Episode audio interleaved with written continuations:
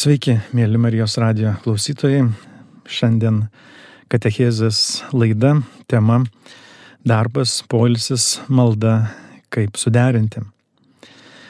Dėkoju, kad klausotės šią laidą. Vedu aš, kunigas Rytis Grukšnys, Kulvos ir Žemių parapijų klebonas. Ir pamastykime šiandien apie tai, kaip suderinti šiuos tris mūsų gyvenimo dalykus - darbą, poilsį ir maldą.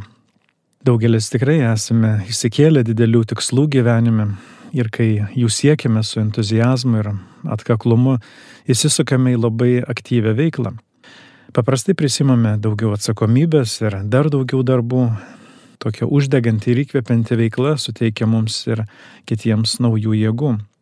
Tačiau pamažu jaučiamės pavargę ir pamirštame atsipalaiduoti, dažnai nejaučiame jokio poreikio sustoti, pamastyti, palsėti, pasimelsti, atitrūkti nuo kasdienybės, gerėtis gamta, šeima, laimėjimais, pasiekimais.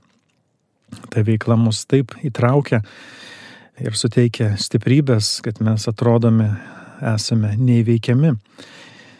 Tačiau su veiklos sėkme atsakomybės našta irgi auga ir vis didėja darbo krūvis vieną dieną tampa jau nebepakeliamu. Visą tai labai sekina jėgas ir vidinę energiją. Darbas mums pamažu tampa jau ir nebemielas. Tie žmonės, kurie irgi degė tą pačią viziją, pradeda mus erzinti ir nervinti. Sumažėja ir mūsų pačių kūrybingumas, darome vis daugiau klaidų, neteisingų sprendimų, pasirinkimų. Mintise vis daugiau baimės, nerimo, nusivylimą. Mus pradeda valdyti nuovargis, tingumas, nuobodulys. Širdie atsiranda tuštuma, išsekimas ir dvasinė sausra. Jėzus sako, eikite savo vieni į negyvenamą vietą ir truputį palsėkite. Tai Morkaus Evangelijos 6 skyriaus 31 eilutė.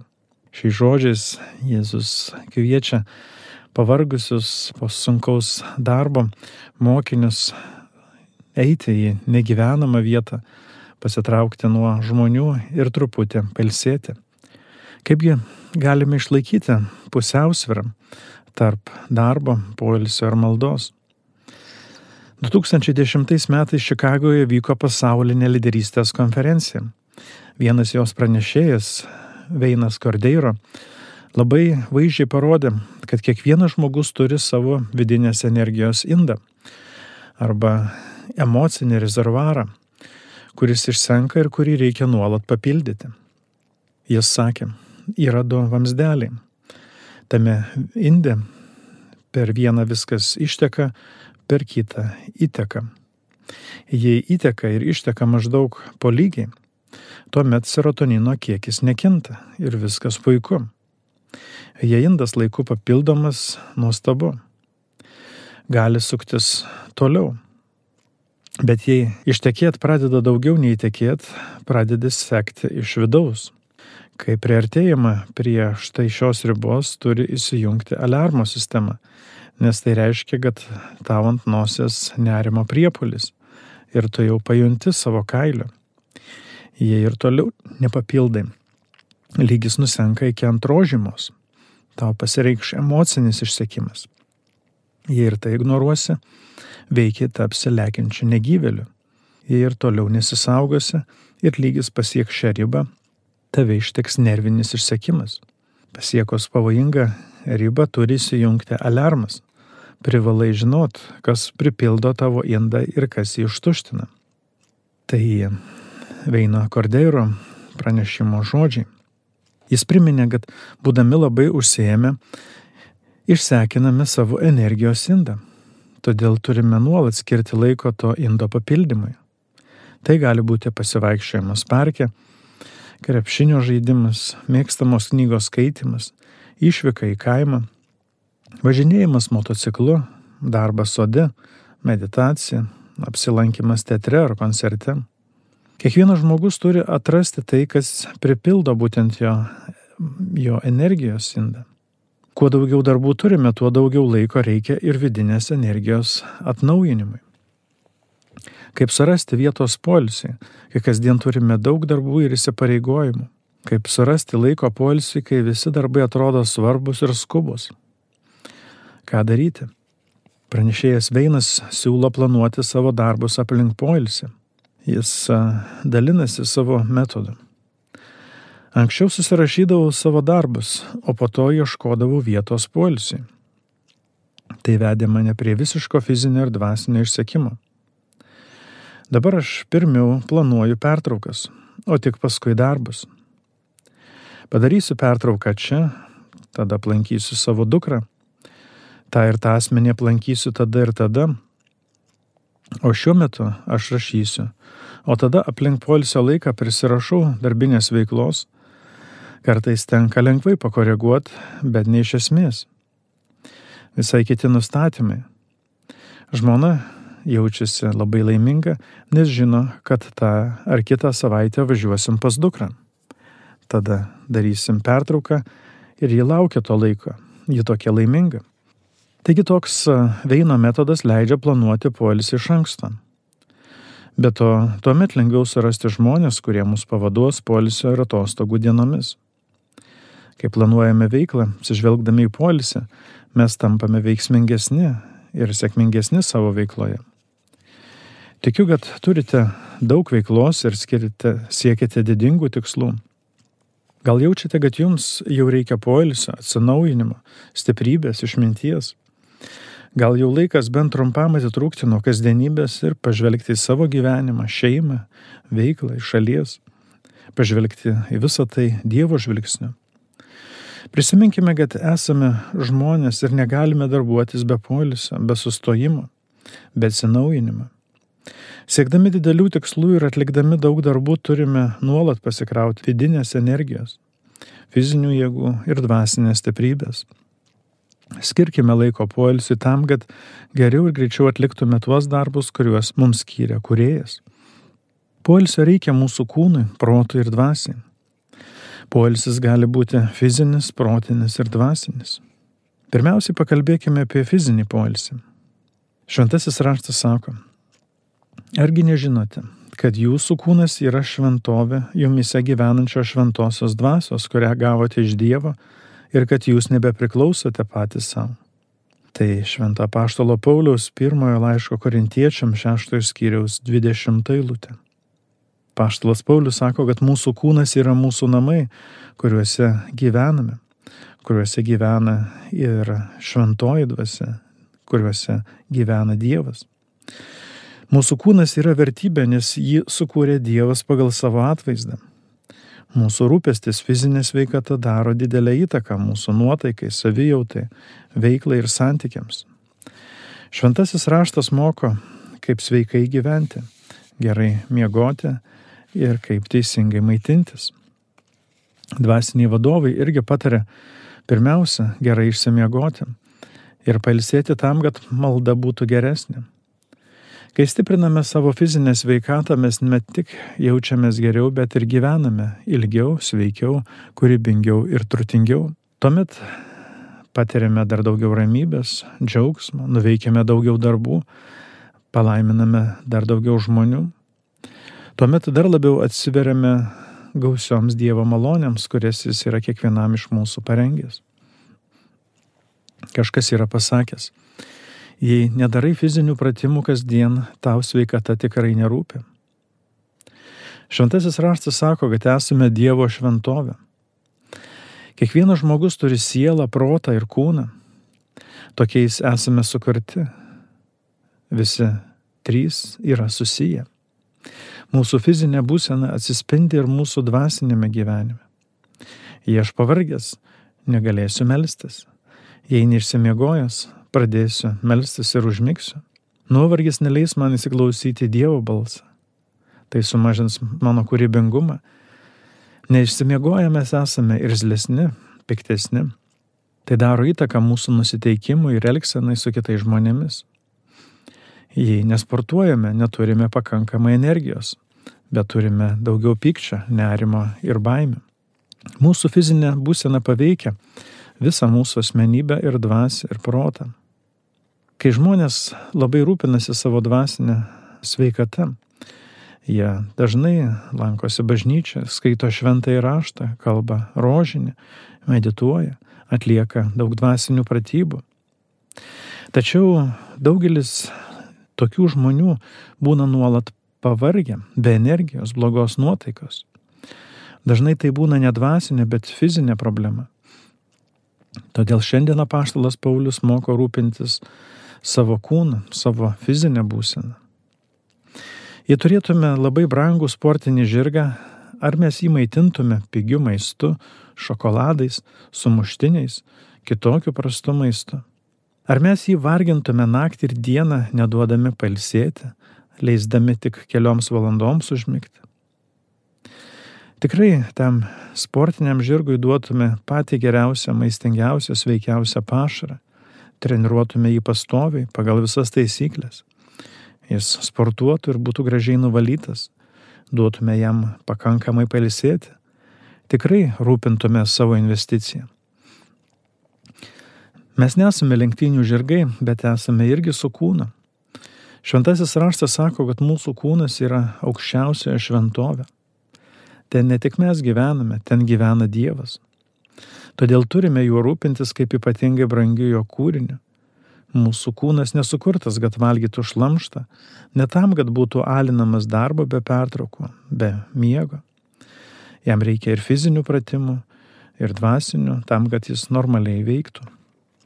Kai kas galbūt pasakysite, ryti mes norime pasiklausyti nemokymo apie fizinę sveikatą, mes norime išgirsti apie dvasinius dalykus. Teisingai sakote. Todėl ir daugelį pati svarbiausia dvasinė užduotis kai kuriems yra 30 minučių pasivaikščiojimas vakare. Kai kuriems tikrai reikia mažiau sėdėti prie televizoriaus ir anksčiau eiti miegoti. Iš patirties tai žinau.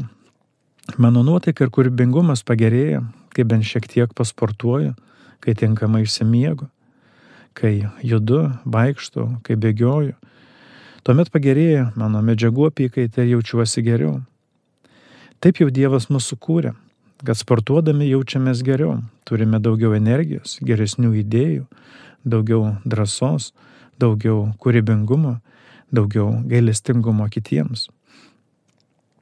Prisiminkime paštalus ir Jėzų. Jie vaikščiojo visur, kur tik jiems reikėjo keliauti.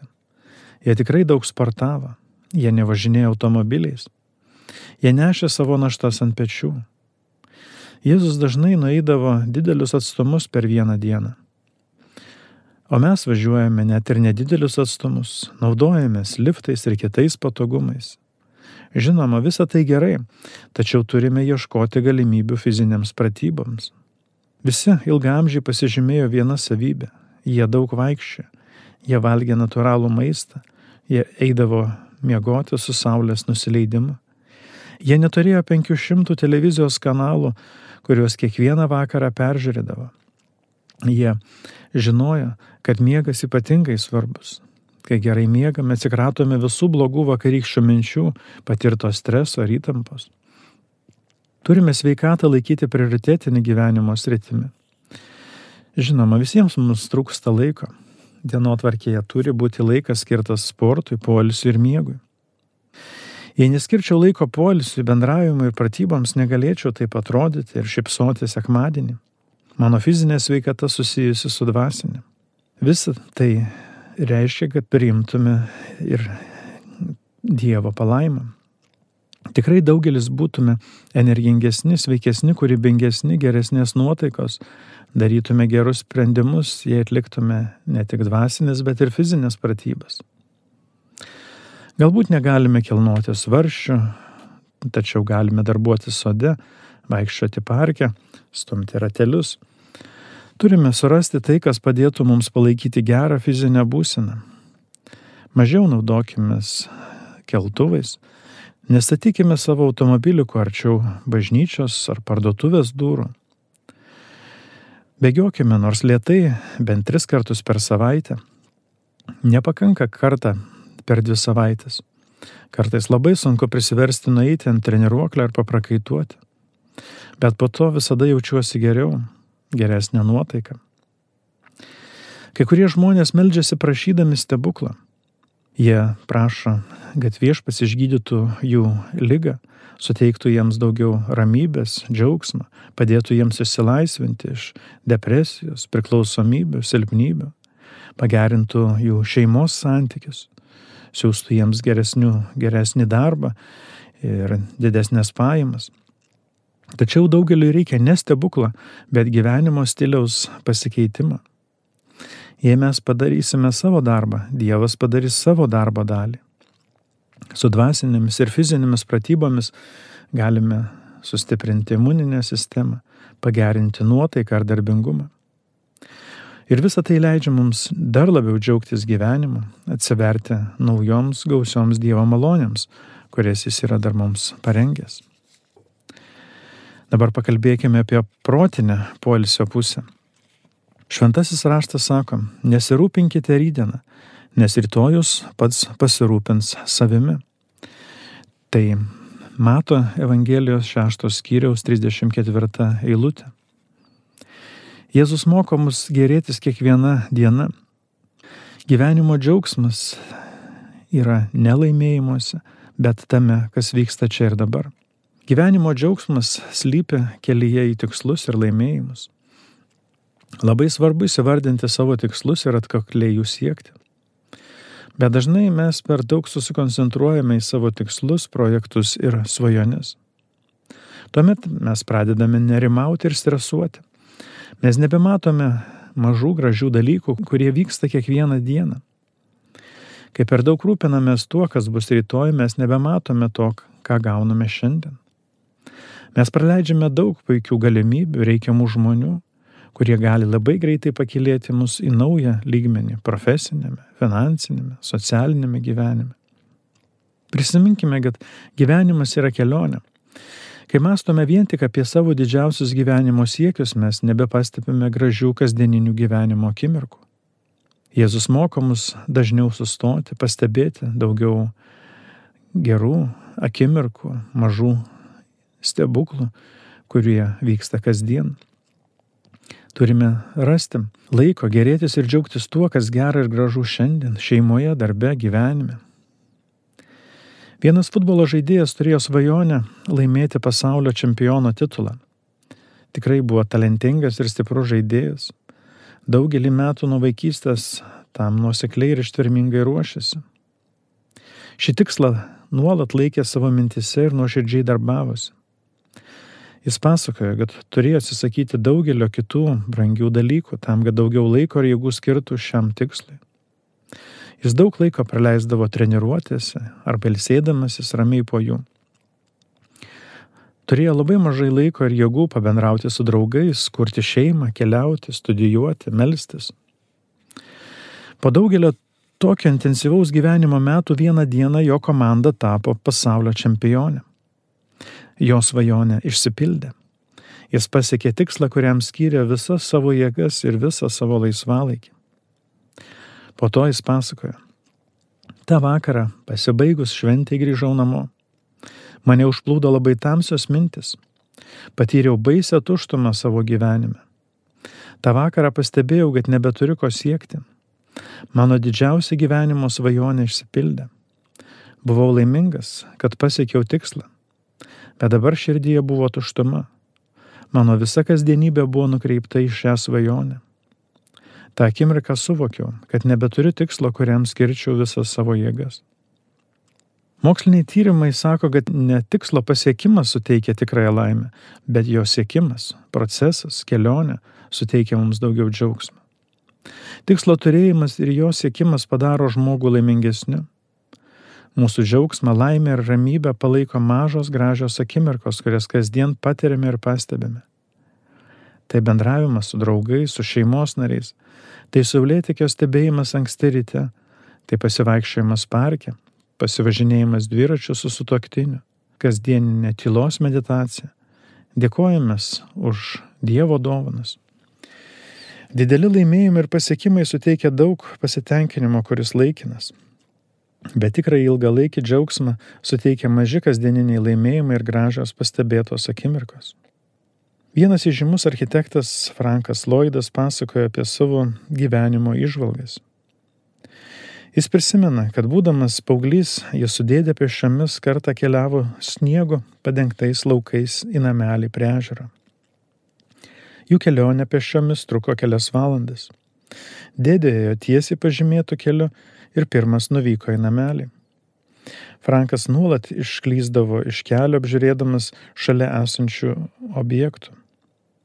Jis trumpam sustojo prie tvarto pasižiūrėti ten esančių gyvūnų. Po to priejo prie tvenkinio ir ten trumpam sustojo. Paskui užsuko į nedidelę prieplauką prie ežero ir ėjo toliau. Kai atėjo namelį prie ežero, jis buvo pavargęs. Dėdė klausė jo, kodėl švaistai laiką ar jėgas keliaudamas čia? Matai, aš ėjau tiesiai, sutaupiau daugiau jėgų ir atvykau anksčiau. Tu ėjai vingiai, sustodamas įvairiose vietose ir netekai daug jėgų. Frankas atsakė, pavargau, bet pasiekiau šį namelį. Be to aš gerėjausi kelionės akimirkomis. Aš pavargau, bet esu laimingas, kad pamačiau visą tai, kas buvo pakeliui. Šiandien Jėzus moko mus ramiai siekti prasmingų tikslų. Turime atkakliai ir ištvermingai siekti užsibrieštų tikslų. Bet taip pat turime skirti laiko gerėtis kiekvieną tos kelionės akimirką, kiekvienu sutiktu žmogumi kiekviena gyvenimo diena.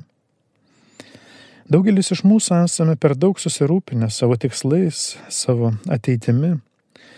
Turime išsikovoti daugiau laiko, džiaugtis kiekvieną gražią akimirką gamtoje, šeimoje, darbe, kurias mums šiandien dovanoja mūsų dangiškasis tėvas. Didelių tikslų siekimas ir sunkus darbas suteiks mums daug daugiau išliekančio džiaugsmo kai skirsime laiko gerėtis kiekvienos dienos akimirkomis. Gyvenimas trumpas. Siekime didesnių tikslų ir dažniau sustokime. Pastebėkime ir vertinkime tai, kas gera vyksta dabar.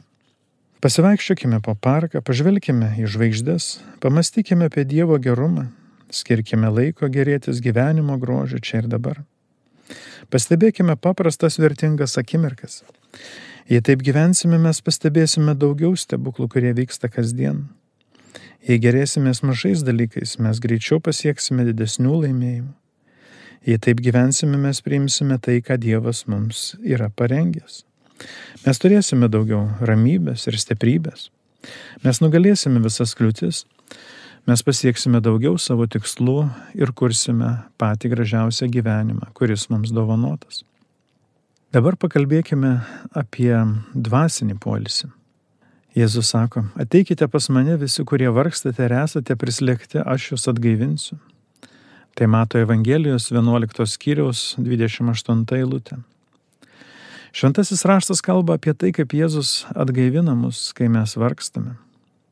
Visi mes turime tam tikrų tikslų, poreikių, svajonių, kurios dar neišsipildė. Visi ko nors siekiame savo šeimos santykiuose, savo sveikatoje, savo veikloje. Gal dabar norite išsilaisvinti iš didelės skolos, kuri slegia jūs. Gal svajojate apie naują gražų namą savo šeimai. Gal norite pradėti savo verslą.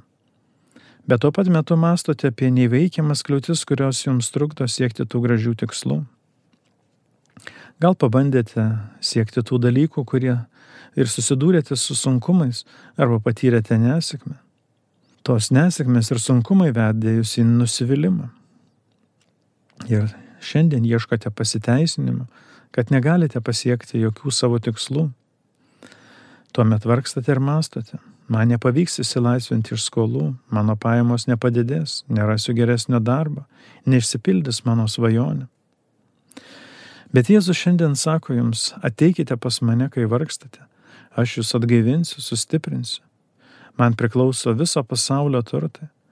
Aš galiu suteikti visą tai, ko trokšta jūsų širdis. Galbūt norite surasti gyvenimo draugą, gerą sutoktinį, sukurti šeimą.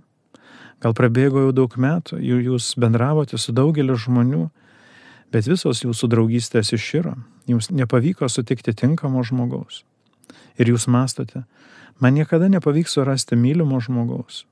Jau per vėlų kurti šeimą. Niekada nebūsiu laiminga. Tokios mintis nėra Dievo mintis. Jis tikrai nori, kad išsipildytų jūsų svajonė. Jis jau dabar rodo kelią ir veda tą žmogų arčiau jūsų. Jis darbuojasi ir viską tvarko taip, kad įvyktų jūsų susitikimas. Todėl maldoje nuolat kartokite. Atnaujink viešpatė mano tikėjimą, drąsink mane. Tu esi mano tikėjimo kuriejas ir tobulintojas. Žinau, kad reikia laiko kiekvienai kūrybai. Tikiu, kad tavo pažadai visada išsipildo. Šventasis raštas sako, nesekite šiuo pasauliu, bet pasikeiskite atsinaujindami dvasia, kad galėtumėte suvokti Dievo valią, kas gera, tinkama ir tobula. Tai apaštalo Pauliaus žodžiai iš laiško romiečiams 12 skyriaus antros eilutės. Šventasis raštas kalba apie dvasios atsinaujinimą. Mūsų gyvenimo laimė, ramybė ir sėkmė priklauso nuo mūsų dvasios atsinaujinimo. Kai norime pasiekti daugiau savo tikslų, mes turime atsinaujinti dvasę. Mes turime pakeisti savo požiūrį į save, į kitus ir į gyvenimą. Turime dažniau mąstyti apie tai, kas gera, teisinga ir tobula. Kai mąstome apie tai, kas dieviška, apie tai kalbame ir mąstome apie gerus dalykus, mes vykdome Dievo valią. Tuomet jis veda mus ten, kur niekada nesvajojame patekti. Taigi labai svarbu ne tik fizinė sveikata, protinis atsinaujinimas, bet ir dvasios atsinaujinimas. Vienas vyras pasakoja apie tai, kad jis augo labai neturtingoje šeimoje. Kai jam buvo 14 metų amžiaus, jo tėvai neteko visų savo santaupų, nes jų šalį netikėtai užklupo sunki ir ilga ekonominė krizė. Jie neturėjo nei pinigų, nei išsilavinimo, nei galimybių kurti gražią ateitį. Žinoma, jis galėjo nusivilti ir liūdėti sakydamas, toks mano likimas, nieko negaliu pakeisti. Sulaukęs 18 metų, jis patyrė gilų vidinį atsivertimą. Jis atsinaujino savo dvasę, kuri pakeitė jo požiūrį į gyvenimą ir į pasaulį. Jis pradėjo tikėti, kad jis sukurtas pagal Dievo atvaizdą, sukurtas nuostabiam gyvenimui. Jis tikėjo, kad jis gali kurti turtingą, sėkmingą ir laimingą gyvenimą. Jis tikėjo, kad jame slypia didingumo sėklos. Kasdien jis kartoja, dabar man sunku, tačiau tai dar nepralaimėjimas, esu aukščiausio Dievo vaikas. Jis darbuojasi mano geroviai. Jis tiesia man naujus kelius, ten, kur nematau jokios išeities. Jis siunčia man reikiamus žmonės, esu palaimintas, visi mano darbai bus sėkmingi. Kasdien tokiamis mintimis išalino neigiamas mintis, jis mąstė apie tai, kas gera, teisinga ir tobula, kaip moko paštalas Paulius. Tokios mintis padėjo jam pakilti iš skurdo ir sukurti turtingą, laimingą, ramų ir šventą gyvenimą savo ir savo tėvams. Jo tikėjimas padėjo jam atrasti naujų veiklos galimybių, sukurti didelę bažnyčios bendruomenę. Teigiamas požiūris padėjo jam padovanoti gerovę savo šeimai. Gal šiandien ekspertai sako, kad jūs pasiekėte savo išsilavinimo arba talentų ribas. Gal jums atrodo, kad neišsilaisvinsite iš skolų. Gal kiti sako, kad nieko nepagerinsite savo santykiuose arba sveikatoje. Prisiminkite, kad ekspertai, gydytojai, konsultantai gali klysti. Kasdien atsinaujinkite savo dvasę, keiskite savo požiūrį, dažniau mąstykite apie tai, kas gera ir gražu. Atverkite savo gyvenimą naujoms galimybėms, kurias yra jums paruošęs mus mylintis dangiškasis tėvas. Mes mokomės iš savo tėvų ir kitų žmonių elgsenos. Tie žmonės, kurie mus augina, moko, ugdo, paprastai būna labai geri žmonės. Jie stengiasi mums duoti tai, ką turi, patys turi geriausia. Bet dažnai jie turi tam tikrų trūkumų, baimių, silpnybių. Jų mintis dažnai būna neigiamas. Dažnai jie turi daug pykčio, liūdėsio, nusivylimą. Tuomet ir mes mokomės iš tų neigiamų dalykų, jų negatyvios mąstysenos ir elgsenos. Gal jie padarė blogų sprendimų savo santykiuose. Ir jūs sekate jų pavyzdžių, mokotės iš jų elgsenos ir kartojate jų klaidas. Tuomet jūs nebematote teigiamų dalykų, galimybių ir teisingų sprendimų. Jūs manote, kad nieko negalite pakeisti. Prisiminkite, kad nesate silpni, netalentingi. Jūs esate sveiki, bet jūsų mąstysena yra pažeista. Stenkitės pakeisti savo mintis ir gyvenimas pasikeis. Prisiminkite, kad esate sukurti pagal Dievo atvaizdą. Kasdien tai pastebėkite. Prisiminkite, kad esate Jo kūrybo šedevras. Jūs apdovanoti Jo garbe ir galybę, talentais ir stiprybę. Jūs esate sukurti nuostabiam, sveikam, turtingam, prasmingam, sveikam, ilgam ir ramiam gyvenimui. Nesekite kitų neigiamą mąstyseną ir netinkamų pavyzdžių. Jūs nesate sukurti gyventi kitų gyvenimą ir kopijuoti kitų mąstyseną ir elgseną. Kasdien atsinaujinkite savo dvasę, pakeiskite savo mintis, siekite didelių tikslų, siekite žmogiškojo tobulumo, profesinio meistriškumo, dažniau mąstykite ne apie savo trūkumus, priklausomybės, bet apie savo gerovę, laisvę, ramybę. Jūs tikriausiai pastebėjote, kaip maži vaikai džiaugiasi kiekviena gyvenimo akimirka ir smulkmena. Jie turi daug svajonių, jie nori būti mokslininkais, kosmonautais, astronautais, dainininkais, futbolo žaidėjais, mokytojais, gydytojais, prezidentais. Jie drąsūs, ryštingi, pozityvūs, jie labai pasižymi šiomis savybėmis, nes jie dar labai neseniai buvo kuriejo rankose. Jų mąstysena dar neužteršta neigiamomis mintimis jie vis dar jaučia didingumo sėklas, kurios slypia juose. Bet labai dažnai jų mąstysena ir požiūris pamažu pasikeičia. Kiti žmonės dažnai jiems kartoja tai, ko jie negali pasiekti, ko jie negali padaryti, kas jiems neįmanoma, kas nerealistiška. Pamažu tos mintis pradeda jos spausti ir slėgti. Gal mokytojas arba treneris pasakė jiems, kad jie žemo ūgio, kad neturi talento reikiamų savybių. Pamažu jie formuoja jų neigiamą požiūrį apie save, pasaulį, ateitį. Jie dažniau masto apie tai, ko jie negali pasiekti, sukurti, laimėti.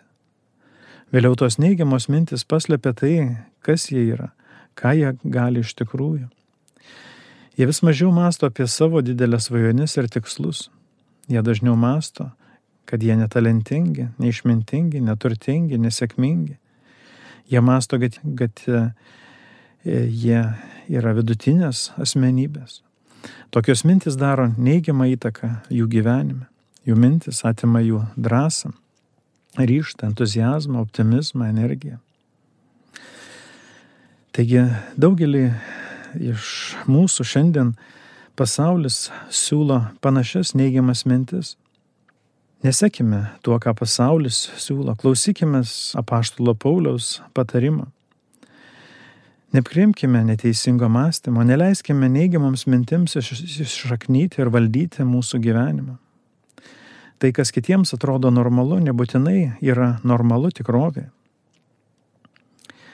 Šventasis raštas sako, jei laikysiesi Dievo mokymo, tu padarysi savo kelią sėkmingą, tada tau seksis. Tai Jozujas knyga, pirmas skyrius, aštunta eilutė. Šventasis raštas kviečia šiandien mus atsinaujinti dvasį ir keisti savo mąstymą. Taigi, trinkime tas neigiamas mintis ir prisiminkime, ką kuriejas sako mums. Tu palaimintas, tu pateptas, talentingas, tvarkingas, stiprus, sveikas, kūrybingas, vertingas. Tave sukūriau nuostabiam gyvenimui, nes tave labai myliu. Tokios dieviškos mintis sunaikins visas virusinės mintis. Jei taip elgsitės, jokios neigiamos mintis neturės jokios galios ir įtakos jums. Jos nebevaldys jūsų gyvenimo. Jei išlaikysite teisingą požiūrį į gyvenimą, tuomet visa tai, ką paliesite, klesties. Visa tai, ką darysite ir kursite, bus sėkminga. Šiandien šioje katechezės laidoje kalbėjome apie darbą, polisį ir maldą, kaip suderinti visą tai. Ir mes mąstėme apie tris mūsų gyvenimo dimensijas. apie fizinę sveikatą, protinę sveikatą ir dvasinę sveikatą. Taigi mes esame sukurti su kūnu, protu ir dvasia. Todėl labai svarbu atsinaujinti visose mūsų šiuose trijose gyvenimo sritise, tam, kad mes ne tik geriau jaustumės, bet kad galėtume džiaugtis ir geresnė sveikata, didesnė energija, geresniais pasiekimais darbe, geresniais santykiais ir kad patirtume dar daugiau ramybės, džiaugsmo, laimės, kad stiprintume savo tikėjimą ir dar labiau laimintume tuos žmonės, kuriuos viešpats siunčia į mūsų gyvenimo kelią. Taigi dėkoju, kad klausėtės šios katechezės laidos tema darbas, polisis ir malda, kaip suderinti. Ja vedžiau aš kunigas Rytis Grukšnys, Kulvos ir Žeimių parapijų klebonas. Dėkuoju, kad klausėtės, mėly Marijos radio klausytojai. Atsisveikinu su jumis, te laimina jūs Dievas.